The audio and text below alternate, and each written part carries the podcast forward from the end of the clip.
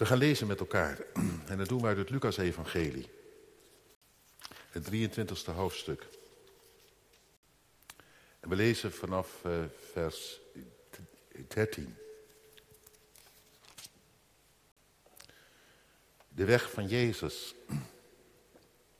Onontkoombaar gaat het richting het kruis.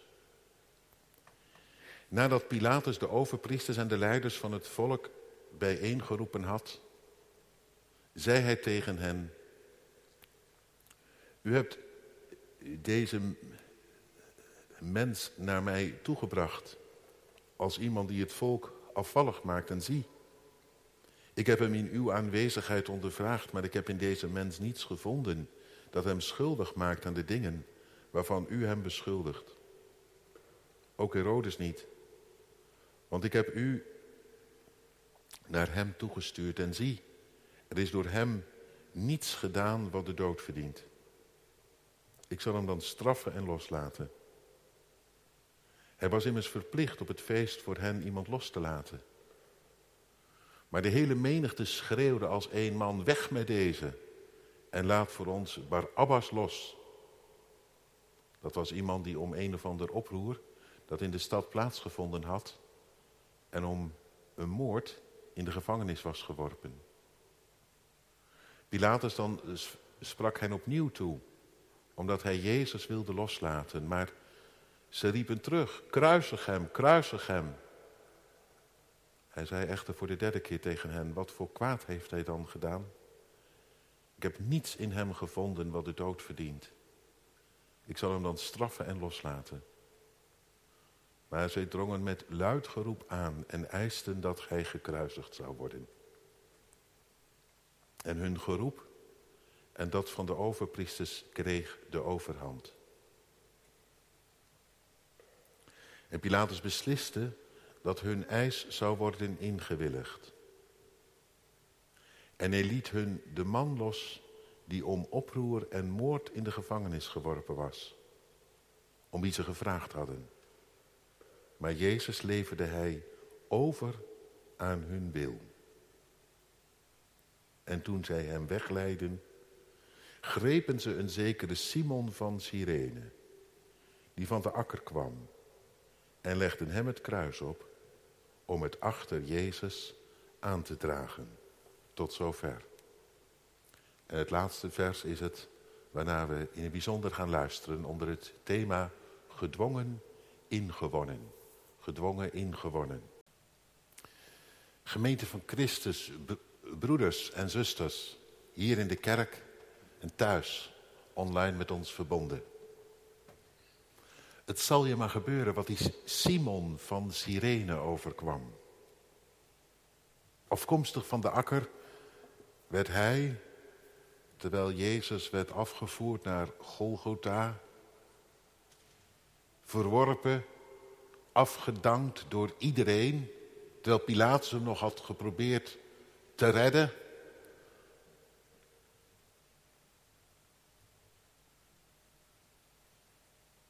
Wordt die Simon tegen wil en dank. Nee, want hij was er niet bij geweest. Als hij er al, al iets van vernomen had, dan had hij afstand gehouden van het hele zaakje. En toch, nu, zonder pardon, uit de menigte geplukt, om het kruis, de kruisbalk, die het dwarsbalk zo gezegd, om die achter Jezus aan te dragen. En ik zei het net tegen de kinderen al, waarschijnlijk was het een, nou, een welgestelde meneer. Je hebt niet zomaar een akker in de omgeving van Jeruzalem tot je bezit. Waar je een kijkje kunt nemen. Omdat je waarschijnlijk arbeiders hebt om erop te werken.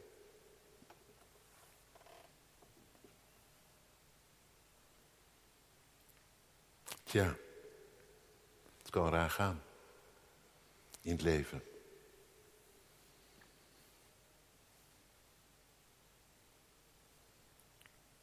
Doe je ineens mee in een gebeuren waar je niets mee te maken wilde hebben.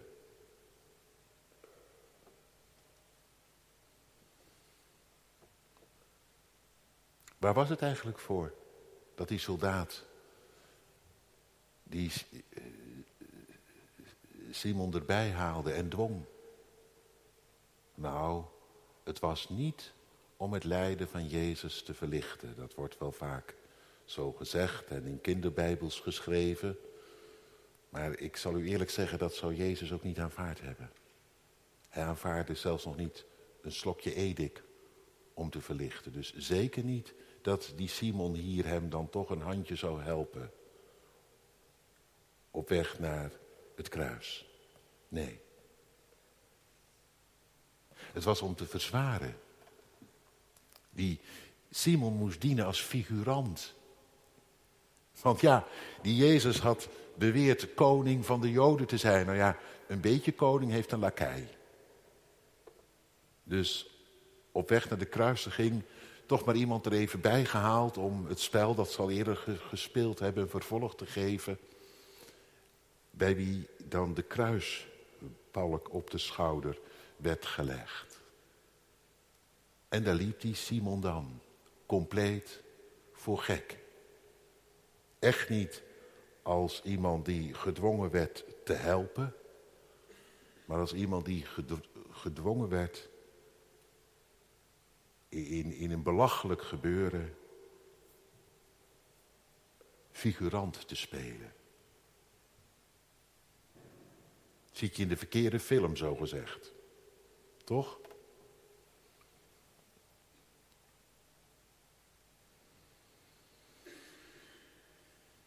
Simon. Het staat er maar heel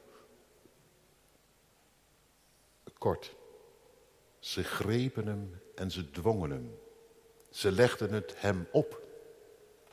Er was geen ontkomen aan. En, en, we weten natuurlijk niet precies wat er door hem heen is gegaan. Dat, dat staat er ook niet bij. Maar één ding is wel heel duidelijk. Dat hij hier niet op zat te wachten. Wie wel? Maar hij had geen keus.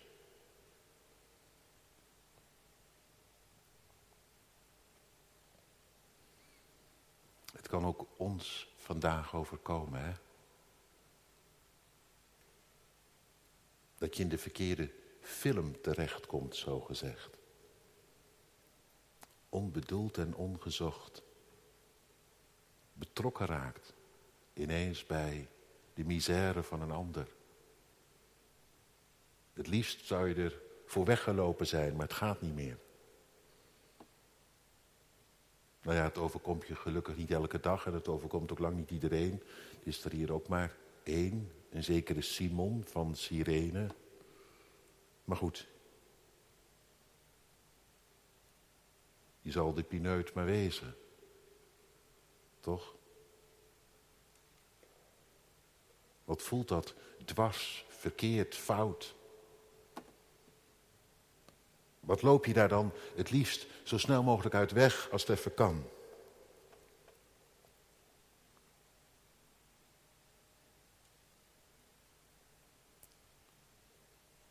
Dat daar iets van een zegen in zou kunnen, kunnen zitten.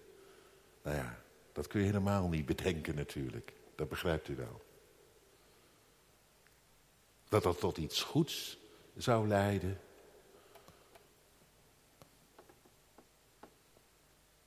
En toch?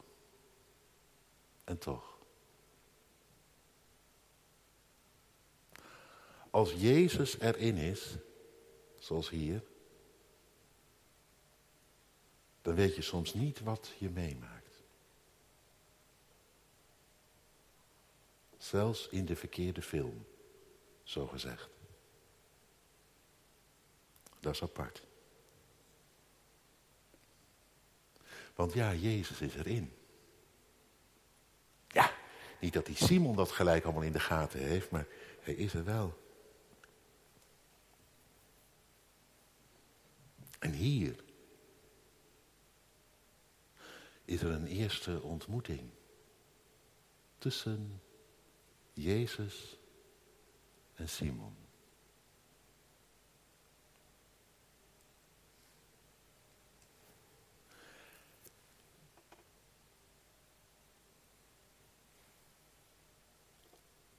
Gedwongen weliswaar, maar toch.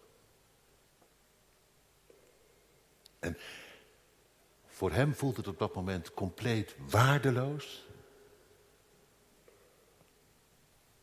Is dit wel het allerlaatste wat hij voor zichzelf bedacht zou hebben? Maar intussen, ja, gebeurt er iets. Wat gebeurt er dan? Nou, dat vind ik ontroerend eigenlijk wat er gebeurt. Weet u dat? ik hoop dat, dat het u en jou, als je hier nu zit, dat het ergens raakt. En, en, dat je het gevoel hebt ineens, ja, want je zat nog te kijken naar een schouwspel, waar het ineens misschien wel gaat over jou. Want wat komt hier nu bij elkaar? Een rijke meneer, die, uh, ja, het goed voor elkaar heeft. Onderweg naar huis om, uh, om Pesach misschien verder te vieren of gewoon een ontbijtje te nemen. Die dan geconfronteerd wordt met die Jezus die zojuist onschuldig ter dood veroordeeld is en nu wordt afgevoerd. En de weg van de ene en de ander, ze kruisen elkaar. En, en gedwongen komt het bij elkaar. En die kruispalk, die, die lag op de schouder van Jezus, die ligt ineens op, op zijn rug. Onlosmakelijk met dit gebeuren. Dit vrede. Dit laffe, dit gemene. En tegelijk zo ontstellend genadige verbonden. Want dat het genadig is, dat had je toch wel in de gaten. Die die wordt afgevoerd. Zelfs de hoogste instantie heeft verklaard. Een en ander maal. In hem geen schuld. Niets gedaan dat, des schuldig, dat hij des doods schuldig zou wezen. En toch, daar loopt hij.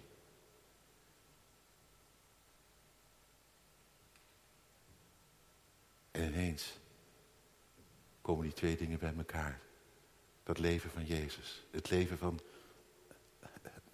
Simon. Het kan niet meer met elkaar verbonden worden. De kruisbalk van Jezus op de rug van Simon. Het lijkt alsof hij de veroordeelde is.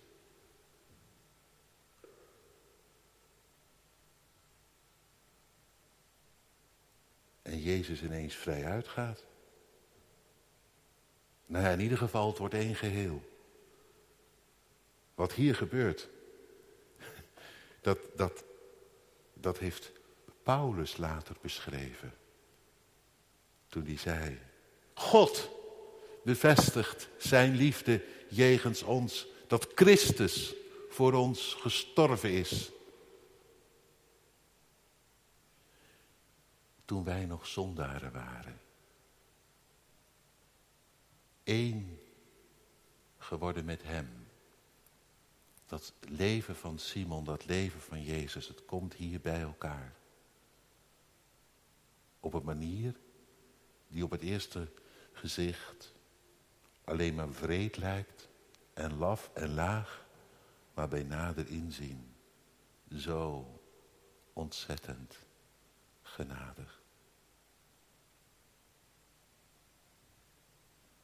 Dat keurige leven van die meneer. Verbonden met Jezus, die veroordeeld is, vervloekt wordt. Die straks hangen zal. Ja, en dan blijkt toch ineens die Simon vrij uit te gaan. En hangt Jezus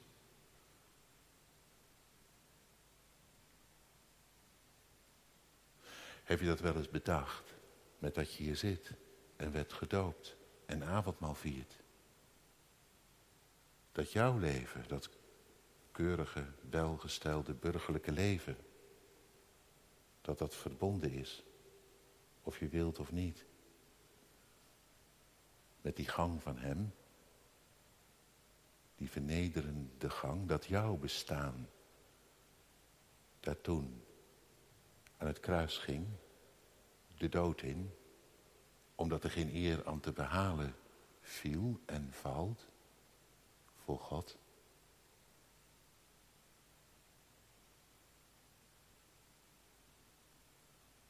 Sta je raar te kijken, hè? Als je zelf in de spiegel aankijkt. Of loop je daarvoor weg?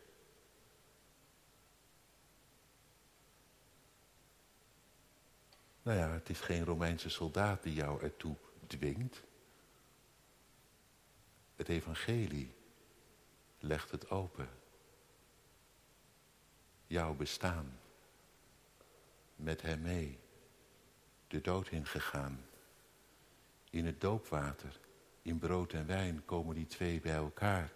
En als je gedoopt wilt wezen en van dat brood en die wijn wilt drinken, ja, dan is het echt één geheel geworden, hè? Dat van hem en dat van jou. Dat keurige, opgepoetste. Of misschien wel, ja, nou ja, dat leven waar jij helemaal tevreden mee bent. Dat is even een vernedering of niet? Als je dat bedenkt. Hoe dat bij elkaar gekomen is, die dag.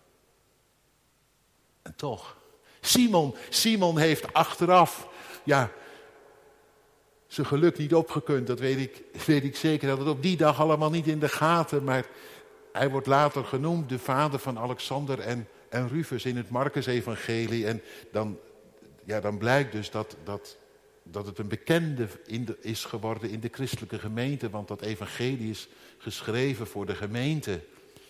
En, en dan Simon, oh ja, die vader van Alexander en Rufus, een gelovige. Ik denk dat hij achteraf echt zijn geluk niet opgekund heeft. Of dat weet ik wel zeker. Want hoe vernederend het ook geweest moet zijn die dag. Hoe gedwongen hij ook werd. En er zo bij betrokken raakte bij dat gebeuren van Jezus. De diepte ervan. Het eigenlijke geheim. Dat drong pas later door. En als ik daaraan denk.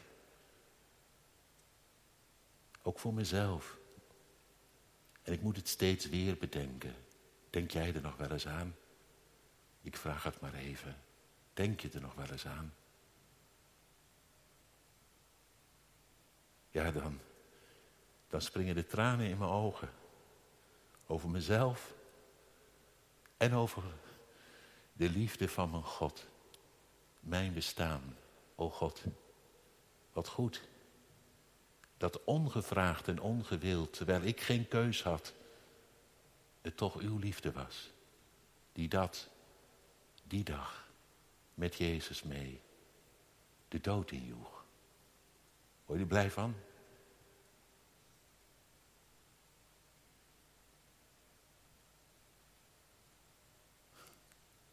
Dat is toch de lof die we zingen op Pasen? Dat is toch de vrolijkheid waar we van leven, de vreugde die Hij geeft. Dat bestaan wat hier in de bank zit en op de, op de preekstoel eh, staat. Dat dat mee de dood inging, zonder dat we erom gevraagd hadden.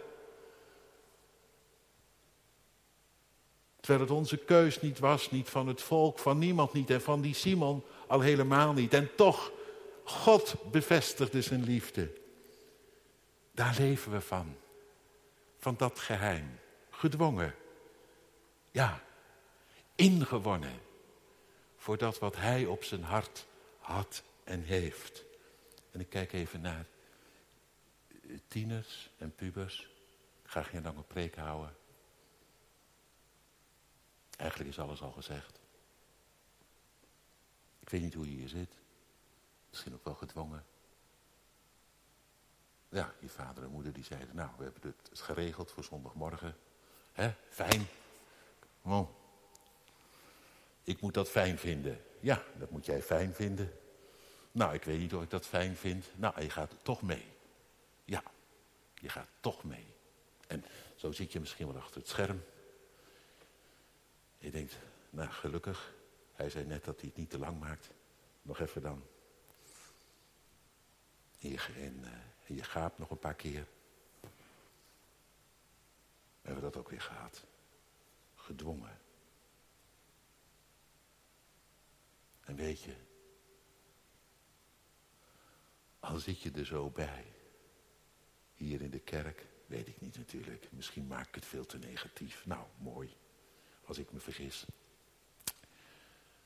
Maar, terwijl jij er zo bij zit, hè, een beetje net als die Simon, je meer de pineut voelt dan gezegend. Weet één ding, hè. Weet één ding. Het is die dag wel gebeurd, hoor. Al, had jij er, al heb jij er geen erg in. En heb jij er misschien nog steeds geen boodschap aan. Het is die dag wel gebeurd, hè? Wat? Nou, dat jouw bestaan, zoals dat hier nu zit, dat dat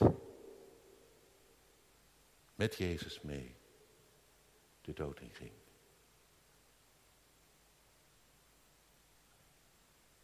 En nou geen schouders ophalen, alsjeblieft. Want stel toch eens voor dat dat niet was gebeurd.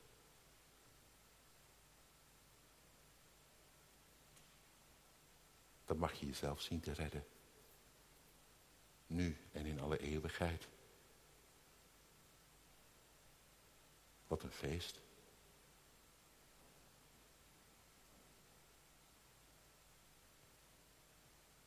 Het is van tweeën één. Weet je wat zo mooi is? Hij wacht niet tot jij meegaand bent geworden. Midden jouw verzet neemt hij, nam hij jou mee. En deed hij verzoening voor jou. En is er een vrede waarmee die vandaag voorbij komt. Om tegen je te zeggen. Ik heb je lief. Ik was dood. En ik leef. Oh ja, nog even één ding. Voor als je intussen werd ingewonnen. Is maar dat je het weet. Je zult steeds weer opnieuw dan worden gedwongen om kruis te dragen achter Jezus aan. Want wie achter mij wil komen, zei hij. Nee, die uh, heeft niet alleen maar een fijn gevoel. En moet elke week bemoedigd worden. Wie achter mij wil komen, die zal ook een en andermaal zichzelf moeten verloochenen. Als je het liefst zou uitvallen, of het liefst in je eigen gang zou gaan, of, of gewoon omdat het, ja, dat jij het anders voelt het ook anders zou willen doen. Jezelf verloochenen. Nee tegen jezelf. Ja tegen hem. Je kruis op je nemen. Het kruis. Over dat eigen gerijde. Dat zelfverzekerde. Waar je jezelf wel uitmaakt. Wat jij vindt, denkt, voelt, doet, laat en hem volgt. Dus ja, het is niet alleen een Romeinse soldaat die je af en toe wat oplegt. Het is je Heer en je Heiland die zegt, dit is de weg. Wie achter mij wil komen, verloochene zichzelf en doet waarin ik voorging. Niet terugschelden als je wordt uitgescholden. Niet gaan dreigen als je lijdt. Maar goed doen als jou kwaad wordt gedaan. En bidden als jij wordt vervloekt. Goeiedag zeg. En in de Bijbel heet dat dan niet dat je het slachtoffer bent, maar gezegend. Dat heet promotie. Waardig geacht worden. Om met hem mee te leiden. Het kruis een stukje mee te dragen. Ja.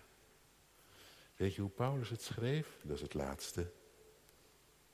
Vind ik apart hoor. En eh, ik moet er ook steeds worden ingewonnen, want uh, het past mij ook niet, zeg ik er even eerlijk bij. Al ben ik dominee, dan past het mij nog niet. Ik wil ook graag een beetje comfortabel dominee zijn. Hè? Zoals u graag comfortabel gemeentelid wilt wezen. Maar Paulus zei, u is niet alleen genade gegeven om in hem te geloven, maar ook, en dat komt er dan bovenop, om met hem te lijden. Wordt de lat een stukje hoger gelegd. Word je door Jezus serieus genomen. Zegt hij tegen jou, jij mag een beetje hoger leren springen. Nog een beetje verder volgen dan doorsnee. Dit is genade bij God. Snap je nu dat je zomaar een dwalend schaap bent? Wat veel genade nodig heeft en geest van God.